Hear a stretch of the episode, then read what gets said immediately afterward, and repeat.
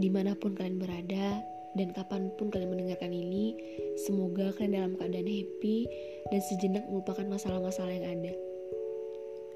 Karena aku percaya kalian hebat dan mampu untuk menyelesaikan masalah itu.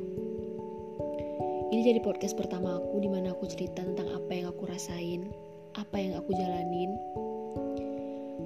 Dan mungkin di antara kalian ada beberapa yang merasakan hal yang sama. Sekarang aku lagi ngejalanin suatu hubungan jarak jauh atau long distance relationship. Aku cukup berani pada awalnya untuk ngambil tindakan ngejalin hubungan seperti ini. Dengan latar belakang, setiap aku ngejalin hubungan selalu gagal. Itu asumsiku. Dan aku memberanikan diri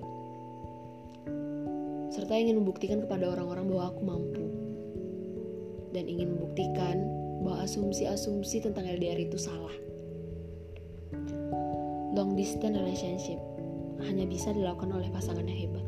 Aku mempercayakan itu karena pasangan itu saling percaya satu sama lain, saling berbagi kerinduan, saling melihat wajah hanya dari layar handphone, saling bertukar kabar melalui suara dan chattingan. Memang terkesan sulit, tapi percayalah, semua yang akan dilalui itu nantinya akan memberikan cerita yang terbaik. Sakit ya? Iya sakit. Kadang aku berpikir apa aku bisa melanjutkan hubungan yang terhalang oleh jarak seperti ini. Tapi aku tenang karena aku yakin komitmenlah yang terpenting. Dia sangat pandai menjaga hatiku. Aku pun akan selalu mempercayakan hal itu untuknya.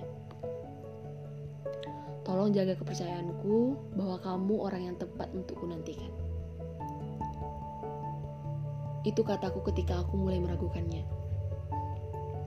Aku cuma mau bilang, aku rindu. Bukan seutas rasa ingin bertemu. Sulit memang, tapi aku sudah memilih jalan ini dan semoga ini menjadi yang terbaik buat aku dan dia. Aku tahu dalam menjalin hubungan itu komunikasi adalah yang terpenting dan itu menjadi kuncinya dan kita sendiri jarang melakukan itu.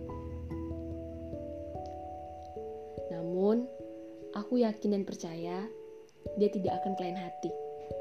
Aku hanya ingin memastikan bahwa rindu ini akan tetap kembali kepada tuannya, yaitu dia. Bagiku, waktu adalah suatu hal yang tak terlalu penting untuk diminta. Jika baginya aku prioritas, tanpa diminta akan selalu ada.